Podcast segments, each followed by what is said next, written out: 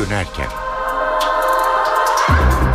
İyi akşamlar ben Öykü Özdoğan. Eve dönerken haberlerle karşınızdayız. Saat 18.45'e kadar Türkiye ve dünyadan günün önemli gelişmelerini aktaracağız. Türkiye ve dünyadan flash haberler var. Önce özetler. Türkiye'de dolar 2 lirayı gördü. Şimdi ne olacak? Uzmanın görüşlerini aktaracağız. 19 yaşındaki Ali İsmail Korkmaz nasıl öldürüldü? Tüyler ürperten kamera görüntüleri yayınlandı ve infial yarattı. İçişleri Bakanlığı olay üzerine açıklama yaptı. Lübnan'da iki camiye bombalı saldırı oldu. Olay mezhep savaşları korkusu yarattı. Ve Antalya Akdeniz Üniversitesi'nde 6. kez yüz nakli operasyonu yapıldı. Ancak bu öncekilerden çok daha kapsamlı bir nakil ve yine bir ilk. Ameliyat bitti. Ayrıntıları az sonra alacağız. Özetleri aktardık. Şimdi haberler.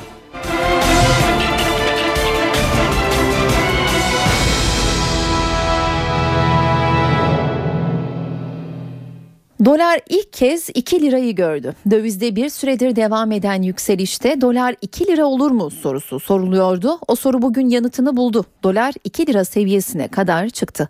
Peki bundan sonra ne olacak? Doları 2 lirada tutmak için mi çaba gösterilecek? Ekonomist Erhan Aslanoğlu'na sorduk son bir haftadır gördüğümüz bir hareketin sonucu olarak geldiğimiz bir nokta diye düşünmek lazım. Bunu asıl başlatan FED yani Amerikan Merkez Bankası'nın o verdiği likiditeyi çekme kararlılığına ilişkin bugün yine öğleden sonra Amerika'dan gelen sinyaller artınca dışarıdaki etki içeriye de yansımaya başladı. Yani bunun ana dinamiği son birkaç yıldır dünyada gördüğümüz o likitte bolluğunun olmayacağı yönündeki beklentilerin artması.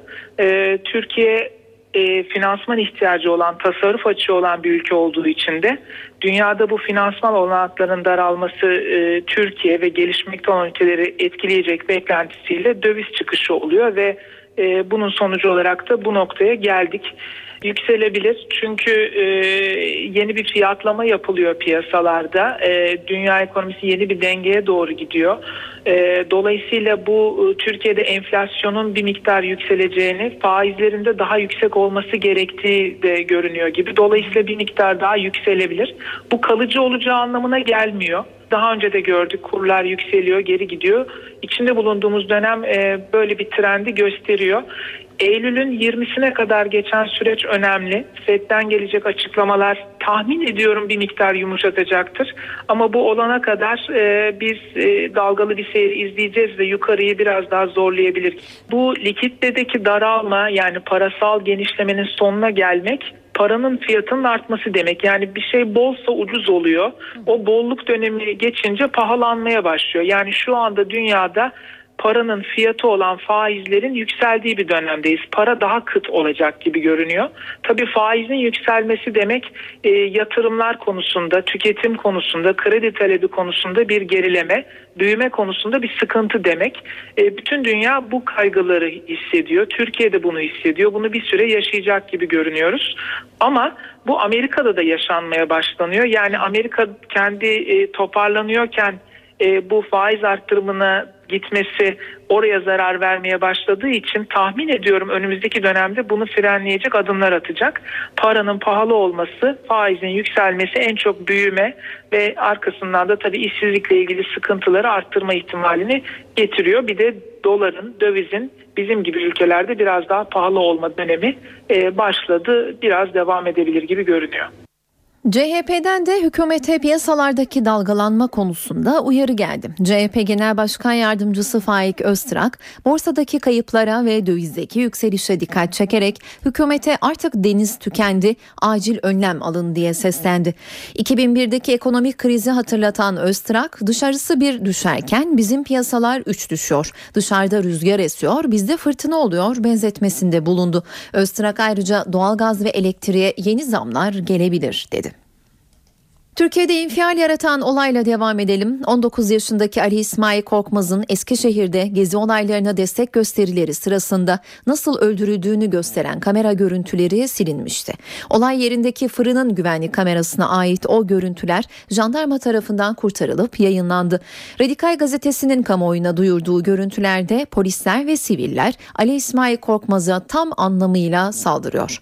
Polisin copla, sivillerin ise ellerindeki meşe odunlarıyla kıyaslayabiliyor kıyasıya dövdüğü Korkmaz aldığı darbelerle yere düşüyor. O yerde yatarken bir kişi kafasını tekmeliyor. Ali İsmail Korkmaz bir süre hareketsiz yerde yatıyor sonra kalkıp sendeleyerek uzaklaşıyor. Olayla ilgili biri polis dört kişi tutuklu tutuklananlardan üçü görüntüleri sildikleri iddia edilen fırın çalışanları. Görüntülerin yarattığı infial üzerine İçişleri Bakanlığı açıklama yaptı. Bakanlık aralarında polislerin de olduğu bir grup tarafından dövülerek öldürülen Ali İsmail Korkmaz'ın soruşturmasında delillerin karartılmasının söz konusu olmadığını belirtti. Olayın aydınlatılması için İçişleri Bakanlığı ile adli makamların koordineli bir şekilde titizlikle çalıştığı kaydedilen İçişleri Bakanlığı olay yeri civarında tüm kamera görüntülerinin toplanması sağlanmış, olaya karışan kişilerin tespiti için gerekli bütün çalışmalar titizlikle yürütülmüştür dedi. Delillerin adli makamlara teslim edildiğini duyurdu. Açıklamada biri polis olmak üzere 4 kişinin tutuklu, 3 polisin de tutuksuz yargılandığı hatırlatıldı. Saat 18.11 ben Öykü Özdoğan eve dönerken de günün öne çıkan diğer gelişmelerini aktarmaya devam ediyoruz. Suriye'deki iç savaş Lübnan'daki mezhep gerilimini tırmandırdı. Olaylar Lübnan'a sıçradı. Lübnan'ın en büyük ikinci kenti Trablus bombalarla sarsıldı. Sünnilerin çoğunlukta olduğu kentte cuma namazının ardından iki caminin dışında bombalar patladı. Selefileri hedef alan saldırının bilançosu ağır oldu. Onlarca kişi yaşamını yitirdi. 350'den fazla yaralı var. Patlamaların şiddetiyle pek çok araç yandı. Şehir savaş alanına döndü. Şii Hizbullah Suriye'deki iç savaşta devlet başkanı Beşar Esad'a destek veriyor. Sünniler ise genellikle muhaliflere destek veriyor. Lübnan'da ilk kez caminin bombalanması büyük bir tahrik olarak nitelendi ve mezhep savaşları korkusu yarattı.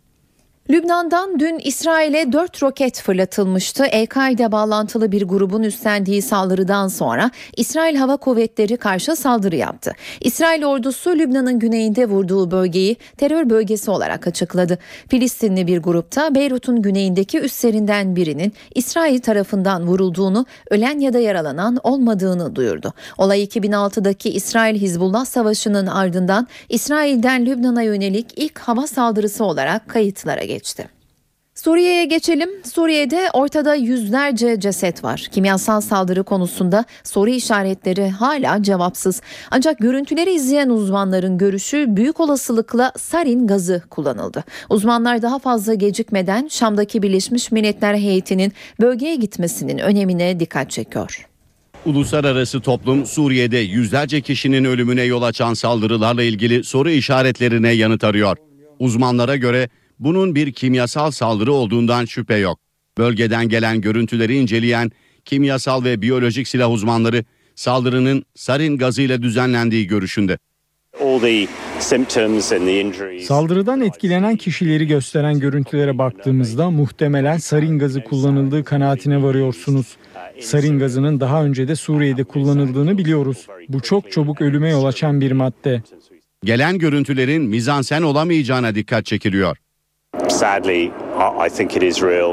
Ne yazık ki gerçekten bir kimyasal saldırı düzenlenmiş gibi gözüküyor. Başka türlü gelen görüntüleri izah etmek mümkün değil. Kimyasal saldırının kim tarafından düzenlendiği ise hala tartışma konusu. Taraflar birbirini suçlarken bu sorunun yanıtının alınması için Birleşmiş Milletler denetçilerinin bölgeye giderek incelemelerde bulunması gerektiğine dikkat çekiliyor. Birleşmiş Milletler denetçilerinin bölgeye giderek deliller yok olmadan inceleme yapabilmesi için sayılı saatleri kaldı artık. Etkilenen kişilerden kan ve saç örnekleri alınmalı. Bölgeden de toprak ve su örnekleri toplanmalı. 14 gün içinde bölgede kimyasal saldırının izlerinin tamamen silineceğine, bu tarihten sonra delil toplamanın çok zor olduğuna dikkat çekiliyor. Cumhurbaşkanı Abdullah Gül bu katliamı yapanlar tarihte lanetle anılacaklardır dedi. Birleşmiş Milletleri ayak oyunları yapmakla suçladı. Bu manzaraları görüp de tabii ki vicdanı sızlamayan üzüntüyü kalbinin derinliklerinde hissetmeyen insan olan hiç kimse yoktur. Bizim halkımız bu hissiyat içerisinde, ben de aynı hissiyat içerisindeyim. Bu katliamı yapanlar tarihe lanetle tabii ki anılacaklardır, öyle geçeceklerdir. Uluslararası hukuk nezdinde günü geldiğinde muhakkak bunun hesabını vereceklerdir. Birleşmiş Milletler'in uzmanları Suriye'de bildiğiniz gibi hiçbir engel çıkartılmadan bu uzmanlar muhakkak bölgeye gitmeli ve olup bitenlerle ilgili bütün bilgi ve raporlarını bütün dünyayla açıkta paylaşmalıdırlar. Ayrıca şunu da ifade etmek isterim ki Suriye'de yaşananlarla ilgili artık söylenecek söz kalmamıştır. Artık fiili, somut adım atma zamanıdır. Onun için Birleşmiş Milletler Güvenlik Konseyi'nde diplomatik manavralarla ve ayak oyunlarıyla bu işleri geçiştirmenin ve bu işleri zamana yaymanın maliyeti de çok büyük olacaktır ve Birleşmiş Milletler sistemini çökertecektir bu bütün insanlık vicdanında. Onun için çok somut adımları atma zamanı gelmiştir. Başbakan Erdoğan bugün cuma namazı kıldığı camiden ayrılırken kendisine sevgi gösterisinde bulunan vatandaşları eliyle Rabia işareti yaparak selamladı. Başbakan dün akşamda Ülke TV'de katıldığı programda Suriye ve Mısır konusunda gereken adımları atamayan Birleşmiş Milletler'in 5 daimi üyesi dışındakilere seslendi. Diğer üyeler kendi Birleşmiş Milletler'ini kurabilir dedi. Gerçekten dünya beşten büyük diyorsak o zaman diğer ülkeler ortaya gelmek suretiyle kendi Birleşmiş Milletlerini kurar. Böyle bir çıkış yapılabilir. Böyle bir çıkışın yapılması kendilerini reforme etmeye doğru götürür. Çekiliyoruz dediği zaman ne olacak? Bir kişi dahi bütün Birleşmiş Milletler Güvenlik Konseyi'ni kilitleyebiliyor. Yani burada ortaya çok daha farklı bir çıkış konulabilir. Fransız Le Figaro gazetesi ise Esad karşıtı operasyonlar başladı başlıklı haberinde yeni bir iddia ortaya attı. Le Figaro 300 Suriyeli muhalifin Ürdün'de Amerika ve İsrail komandoları tarafından eğitildiğini şimdi de Şam'a doğru ilerlediğini yazdı. Le Figaro gazetesi muhalif komandoların Şam'a ilerleyişiyle başkent yakınlarında düzenlenen kimyasal saldırı arasında bir ilişki olabileceği görüşünde. Esad yönetiminin muhalif askerleri püskürtmek için bu saldırıyı düzen demiş olabileceği ihtimali üzerinde duruluyor. Suriyeli muhalifler Şam'da bulunan Birleşmiş Milletler heyetine iletilmek üzere kimyasal silah saldırısının kurbanlarından kan ve saç örnekleri alıyor. Ancak bu örneklerin Birleşmiş Milletler heyetine ulaştırılması ayrı bir sorun. Çünkü Şam'da bir otelde bulunan heyet Esad yönetiminin izni olmadan dışarı çıkamıyor. Suriye'den son gelen haberleri Hediye Levent'ten alacağız. Hediye seni dinliyoruz. Evet Öykü Şam'da bulunan Birleşmiş Milletler e, heyetinin e, kimyasal silah, silah kullanıldığı iddia edilen bölgelere gitmesi için uluslararası toplumdan da ard arda çağrılar geliyor. E, son olarak Birleşmiş Milletler Genel Sekreteri Ban Ki-moon bir çağrı yaptı ve iddiaların acilen araştırılması gerektiğini söyledi. E, aynı şekilde her iki tarafında yani hem Esad yönetiminin hem de muhaliflerin e, bunu istediğini düşündüğünü e, de dile getirdi Ban Ki-moon. Aynı zamanda Rusya ve Çin'den de bu yönde e, çağrılar verdi. Rusya Esad yönetiminin Şam'daki Birleşmiş Milletler e, tam e, bir işbirliği yapması gerektiğini belirtti. Ancak aynı zamanda e, Şam kırsalında söz konusu saldırının olduğu belirtilen noktaların e, çoğunlukla muhaliflerin kontrolünde olduğunu hatırlatalım. Rusya işte bu bölgelerde e, incelemeler yapacak olan Birleşmiş Milletler heyetinin de can güvenliği e, konusunda muhaliflerin garanti vermesini istedi. E, Çin'den de yine e, hem e, muhaliflere hem de e, Esad yönetimine yönelik benzer bir işbirliği ve olayın açıklığa kavuşturulması yönünde de e, çağrı geldi. E, uluslararası toplumundan çağrılar bir şekilde diğer taraftan e, Esad yönetiminden şu ana kadar herhangi bir açıklama yapılmış değil. Yani Birleşmiş Milletler heyetine izin verilip verilmeyeceği ya da halen sıcak çatışmaların devam ettiği söz konusu bölgelere heyetin ne şekilde gideceği ya da gidip gidilmeyeceği gibi sorular henüz cevap bulmuş değil. Ee, diğer taraftan bir noktayı daha belirtelim. Hafta başında gelmişti Birleşmiş Milletler Heyeti Şam'a e, ve geliş nedeni e, aslında Hanel Asar kasabası ki bağlı bir kasaba ve Mart ayında bir e, kimyasal silah saldırısı olduğu iddiaları söz konusuydu. Hanel Asar kasabası dahil e, üç noktada kimyasal silah kullanılıp kullanılmadığını incelemek üzere gelmişlerdi. E, ve birkaç gün önce Şam kırsalında söz konusu olayın da meydana gelmesiyle birlikte e, Birleşmiş Milletler heyetinin e, üç noktaya e, ek olarak yeni bir çalışma yapıp yapmayacağını Esad yönetiminin izin verip vermeyeceği de e, yine soru işaretleri arasında. E, biraz önce senin de belirttiğin gibi söz konusu heyet şu anda Şam'da e, herhangi bir e, kimyasal silah kullanımı kullanılmadığına dair Suriye'nin çeşitli noktalarına yönelik herhangi bir çalışmaya başlayıp başlamadığına dair de herhangi bir işaret yok. Ee, Şam'da bulunuyor heyet e, ve heyetin bulunduğu Şam merkezde birkaç gün önce kimyasal silah kullanıldığı belirtilen e, noktalar arasında 5 ile 15 kilometre arasında bir mesafe bulunuyor. E, şu an itibariyle Şam'da genel hava bu durumda. Öykü. Teşekkürler Hediye. NTV muhabiri Hediye Levent'ten Suriye'deki Şam'daki son gelişmeleri aldık. Suriye'de savaşın en büyük kurbanları çocuklar. Çok sayıda çocuk can verdi. Canını kurtarmak adına ülkesinden evinden ayrılmak zorunda kalan çocukların sayısı ise 1 milyonu buldu. Suriye'de iki buçuk yıldır devam eden çatışmaların bedelini en çok çocuklar ödüyor. Birleşmiş Milletler Suriye'den ayrılan ve başka ülkelerde sığınmacı konumunda olan Suriyeli çocukların sayısının 1 milyonu bulduğunu açıkladı. Bu Suriyeli sığınmacıların yarısına denk geliyor.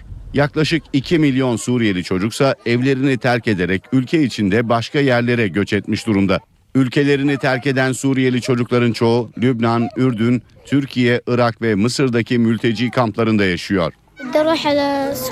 Suriye'ye dönmek, barış içinde yaşamak istiyorum. Arkadaşlarımla oynamak istiyorum. Eskiden olduğu gibi. Kamplardaki çocuklar oyun ve egzersizlerle eğlendirilmeye çalışılıyor. Fakat birçoğu hala iç savaşın etkilerini üzerinden atabilmiş değil. Buraya gelmeden iki gün öncesine kadar okuldaydım. O günlerde roketlerin tam üzerimizden uçmaya başladığını gördük. Biz saklanmaya çalışıyorduk. O zaman özüne gelme kararı aldık. Burası güvenli. Fakat evimizde olsak daha iyi olurdu.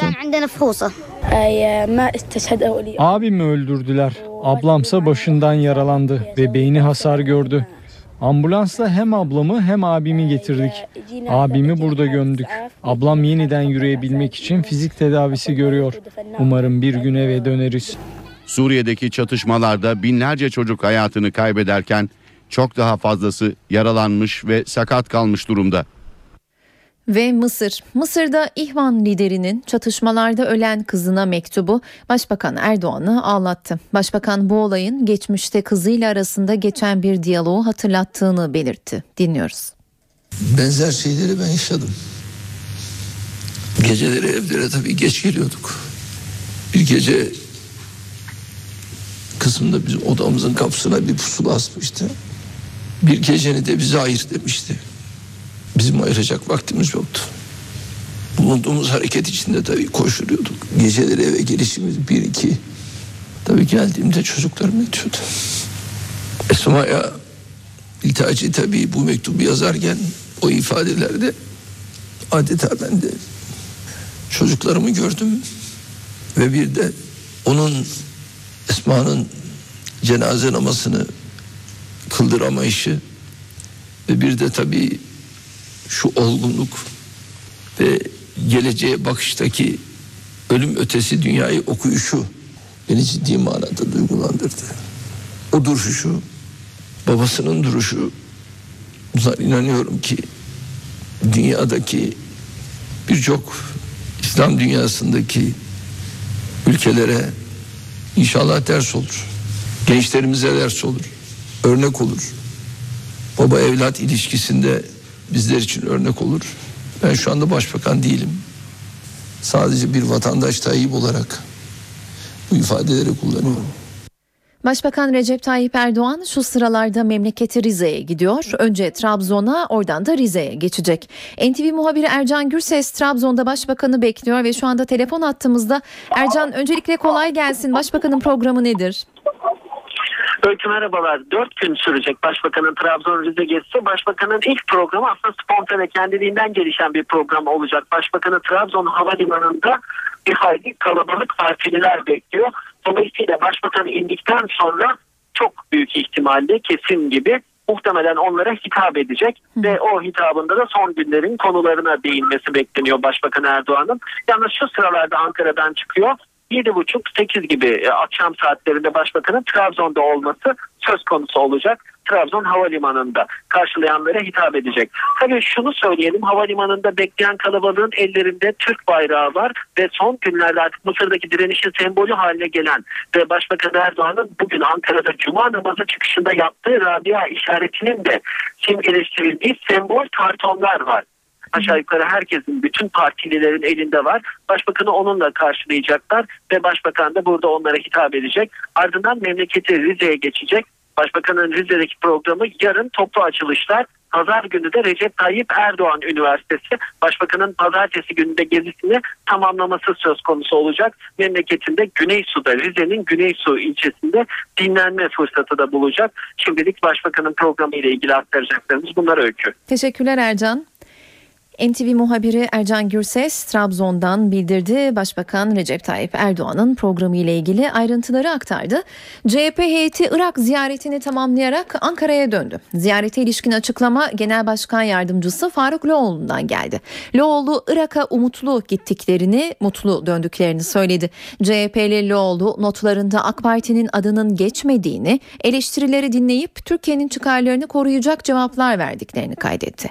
Loğlu Kerkük ve Neceb'i ziyareti ise güvenlik sıkıntısı ve ek istihbarat nedeniyle iptal ettiklerini belirtti.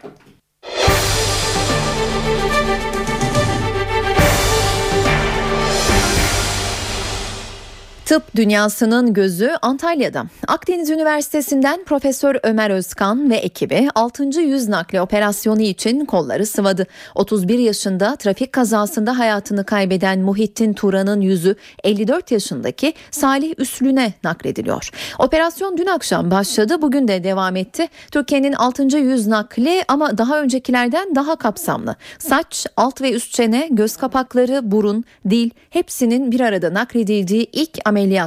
Yani yine bir ilke imza atıldı. Ayrıntıları almak üzere Antalya'ya bağlanacağız. NTV muhabiri Sibel Atasoy aktaracak. Türkiye'nin 6. Akdeniz Üniversitesi'nin 4. yüz nakli operasyonu başarıyla tamamlandı ve ekip Profesör Doktor Ömer Özkan başkanlığındaki ekip az önce basının karşısına çıktı. Operasyonla ilgili bilgi verdi. Öncelikle Muhittin Turan 31 yaşındaydı. Salih Üstün'e yüzü nakledildi 54 yaşında. Ee, Salih Üstün dün akşam Edirne'den gelmişti. Havalimanına operasyon 22.45'te başlamıştı. Operasyonun tamamı hem yüzün alınması hem de nakledilmesi nakledilmesi yaklaşık 16 saat sürmüştü. Yüzün nakledilmesi Akdeniz Üniversitesi Tıp Fakültesi'nde gerçekleşti ve 8 saati buldu. Az önce de Profesör Doktor Ömer Özkan başkanlığındaki ekip basının karşısına çıktı. Profesör Doktor Ömer Özkan ameliyatı yorumladı.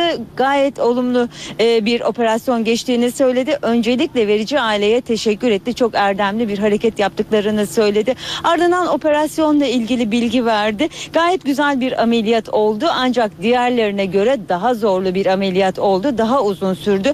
Bunun nedeninin de e, çünkü Türkiye'de ilk kez hatta dünyada ilk kez yapılan bir operasyon komplike operasyon olduğunu belirtti. Yani aynı zamanda saç derisi, alt çene, üst çene ve dil de nakledilmişti hastaya. Şu anda hasta yoğun bakımda tedavisi sürüyor. Yine operasyonla ilgili detaylı bilgiler verdi Profesör Doktor Ömer Özkan. Operasyonun aynı zamanda kozmetik olarak da gayet güzel bir operasyon olduğunu belirtti ve e, en önemli detaylardan bir tanesi de dünyada sadece Türkiye'de e, bir merkezde dört kez böyle tam yüz nakli yapıldığının altını çizdi. Yine Ömer Özkan hastanın durumunun gayet iyi olduğunu belirtti.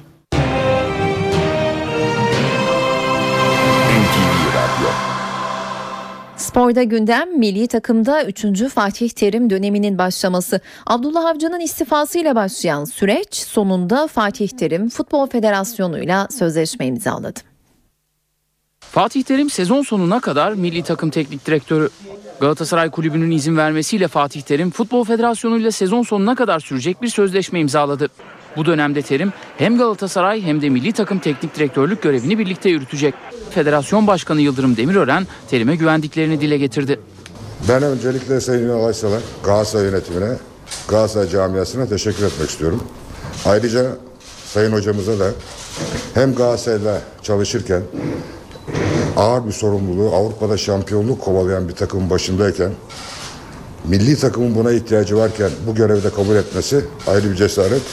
Fatih Terim ise görevi Ay Yıldız için kabul ettiğini belirtti. Ay Yıldız konu olunca, ülkemizin futbolu konu olunca e, kulübümün de anlayışıyla ki burada başkan ve yönetimine teşekkür ediyorum.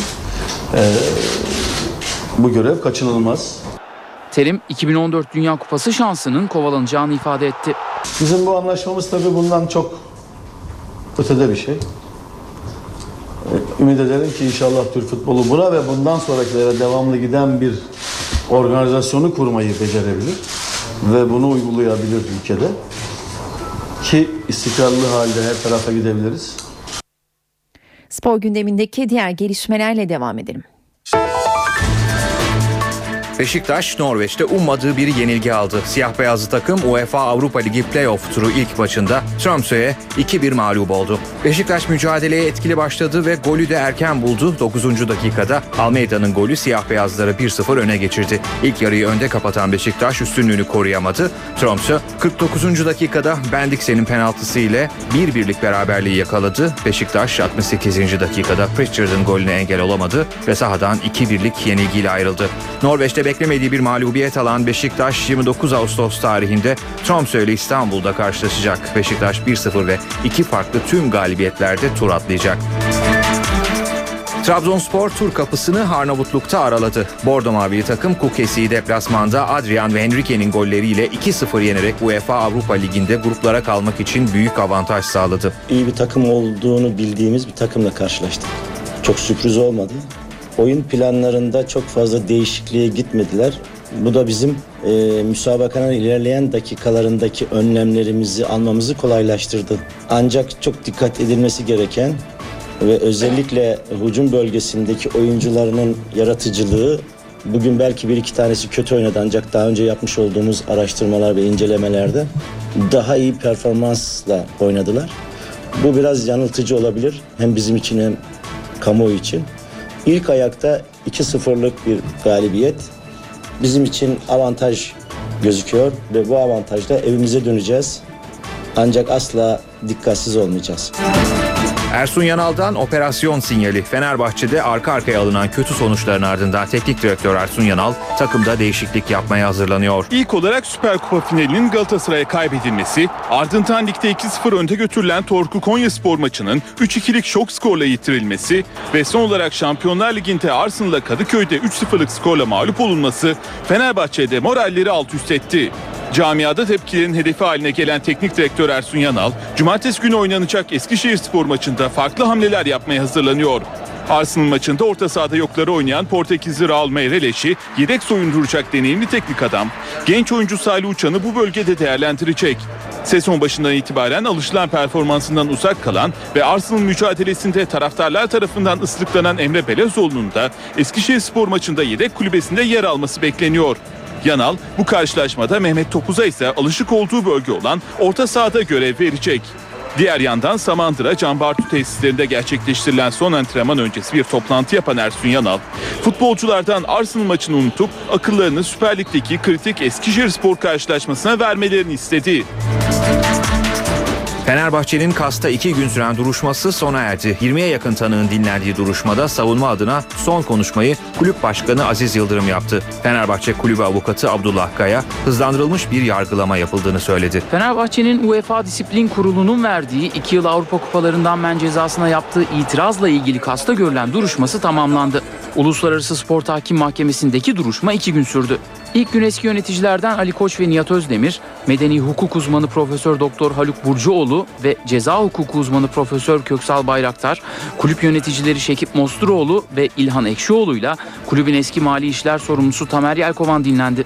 İfadesi yarım kalan Tamer Yelkovan'ın dinlenmesiyle başlayan ikinci günde kaleci antrenörü Murat Öztürk, menajerler Mehmet Şen, Yusuf Turanlı ve Erdem Konyar'la futbolcu İbrahim Akın, kulüp yöneticileri Abdullah Kiyalı ve Şekip Mosturoğlu, eski yönetici Murat Özaydınlı, Sivas Spor Kulüp Başkanı Mecnun Otyakmaz ve kaleci Korcan Çelik'a ifade verdi. İfadelerin sona ermesinin ardından toplantıda hazır bulunan Fenerbahçe Kulübü Başkanı Aziz Yıldırım savunma adına son konuşmayı yaptı. Toplantıda Sarı Lacivertli kulüp ve tanık avukatları 2010-2011 sezonunda Süper Lig'de oynanan Gençler Birliği Fenerbahçe, Fenerbahçe İstanbul Büyükşehir Belediyespor, Sivas Spor Fenerbahçe ve Fenerbahçe Ankara gücü maçlarına ilişkin savunmalarını yaptı. Fenerbahçe Kulübü avukatı Abdullah Kaya, Kas'taki duruşmanın tamamlanmasının ardından yaşananlar hakkında bilgi verdi. İki gün boyunca hızlandırılmış bir yargılama yapıldı burada. Önce usule dair her iki tarafta UEFA'da biz de kendi argümanlarımızı sunduk. Kendi delillerimizi zaten önceden mahkemeye sunmuştuk. Bu bittikten sonra delil denen sözlü tanıkların dinlenmesine sıra gelindi. Tanıklar geldiler, beyanlarda bulundu. Her iki tarafta sorular sordular. Olaylarla ilgili, maçlarla ilgili e, tanıkları da bugün bitirdikten sonra her iki UEFA'da biz de kapanış konuşmalarını yaptık. Ve e, şimdi ayın 28'inde karar verilecek, karar açıklanacak karşı tarafından. Karşı taraf hiç tanık getirmedi UEFA ama bizim tanıklarımız çapraz sorguya geldiler. Çapraz sorguda anlattılar. Gelmeyen tanıklar da kendileri yazılı beyanlarını zaten mahkemeye sundular. İstanbul'un suyu ne kadar yetecek? Orman ve Su İşleri Bakanı Veysel Eroğlu İstanbul'un 2071 yılına kadar yetecek suyu olduğunu söyledi. Şimdi 15 milyonluk İstanbul'da susuzluk var mı? Yok neden? Çünkü büyük düşünme neticesi. Büyük düşün. Şu anda İstanbul'un 2071 yılına kadar suyu var. Biliyor musun? 2071 yılında. Hem batıdan 150 kilometre uzaklıktan 9 barajı İstanbul'a bağladık. 185 kilometrede de Menenli barajını İstanbul'a bağlayıverdik. Ne kadar bu borular? İçinden kamyon geçen borular. İstanbul Büyükşehir Belediye Başkanı Kadir Topbaş, Avrupa ile Anadolu yakası arasında kurulacak teleferik hattının güzergahını açıkladı. Büyükşehir Belediye Başkanı Kadir Topbaş'ın verdiği bilgiye göre Mecidiyeköy'de eski Ali Samiyen stadının bulunduğu noktadan başlayacak teleferik hattı Altunizade'ye devam edecek, Çamlıca'yı da içine alacak. İhale aşamasında olan teleferikle saatte 6 bin yolcu taşınması planlanıyor. Amerika'nın Wikileaks skandalına imza atan ve hakkında 35 yıl hapis cezası kararı çıkan Bradley Manning'den bir itiraf geldi. Cinsiyet değiştirmek istediğini söyleyen Amerikalı eski asker aslında ben bir kadınım dedi. Amerika'nın gizli yazışmalarını Wikileaks'e sızdırarak tarihi skandallardan birine imza atan Bradley Manning'den bir itiraf geldi. Amerikalı eski asker Manning cinsiyet değiştirmek istediğini söyledi. Mahkeme sonucu açıklanana 24 saat olmamışken Bradley Manning yeni adıyla kendini tanıttı. 25 yaşındaki Amerikalı adının artık Chelsea Manning olduğunu söyledi. Manning açıklamayı bir televizyon programı aracılığıyla yaptı. Amerikalı eski er aslında ben bir kadınım dedi. Skandal ismin çocukluğundan beri kendini bir kadın olarak hissettiği belirtiliyor. Manning'in bir an önce hormon terapisine başlamak istediği kaydediliyor. Mahkeme sürecinde Manning'in cinsiyet ve kimlik bunalımının zihinsel sağlığını etkilediği yönünde savunma yapılmıştı. Hakkında casusluk ve hırsızlık suçlarından dava açılan Manning 35 yıl hapse çarptırılmış, askerlikten ihraç edilmişti. Eve dönerkenin sonuna geldik. Bitirmeden önce kültür sanat etkinliklerinden öneriler sunalım. Bu akşam Harbiye Cemil Topuzlu Açık Hava sahnesi Sezen Aksu'yu ağırlayacak. Sezen Aksu'ya sahnede Fahir Atakoğlu önderliğindeki akustik bende eşlik edecek. Konserin saat 21'de başladığını belirtelim. Mehmet Erdem hayranları için İzmir'de bir konser veriyor bugün. Konsere Çeşme Hayal Kahvesi ev sahipliği yapıyor. Performans başlama saati 21. Anadolu Ateşi de İzmir'de olacak bu akşam. Gösteri mekanı Çeşme Açık Hava Tiyatrosu, başlama saati ise 21. Sıla da sevilen şarkılarıyla bu akşam Bodrum'da olacak. Sanatçı hayranlarıyla Antik Tiyatro'da bir araya geliyor. Sıla konserinin saat 21'de başladığını hatırlatalım. Bu akşam evdeyseniz CNBC'de Wayne's World adlı film izlenebilir. Başrollerini Mike Myers, Dana Carvey ve Rob Lowe paylaşıyor. Filmde evlerinin bodrum katında kablolu televizyon kanallarından birine rock, kadınlar ve hayat hakkında geyik bir program yapan iki rockçı arkadaşın hikayesi anlatılıyor. Film saat 22'de başlıyor. Öncesinde ise saat 21'de CSI New York ekranda olacak. Star TV'de de saat 20'de yerli sinema Hababam sınıfı ekrana gelecek. Böylece ve dönerken programının sonuna geldik. Ben Öykü Özdoğan. Pazartesi aynı saatte karşınızda olacağız. Şimdilik hoşçakalın.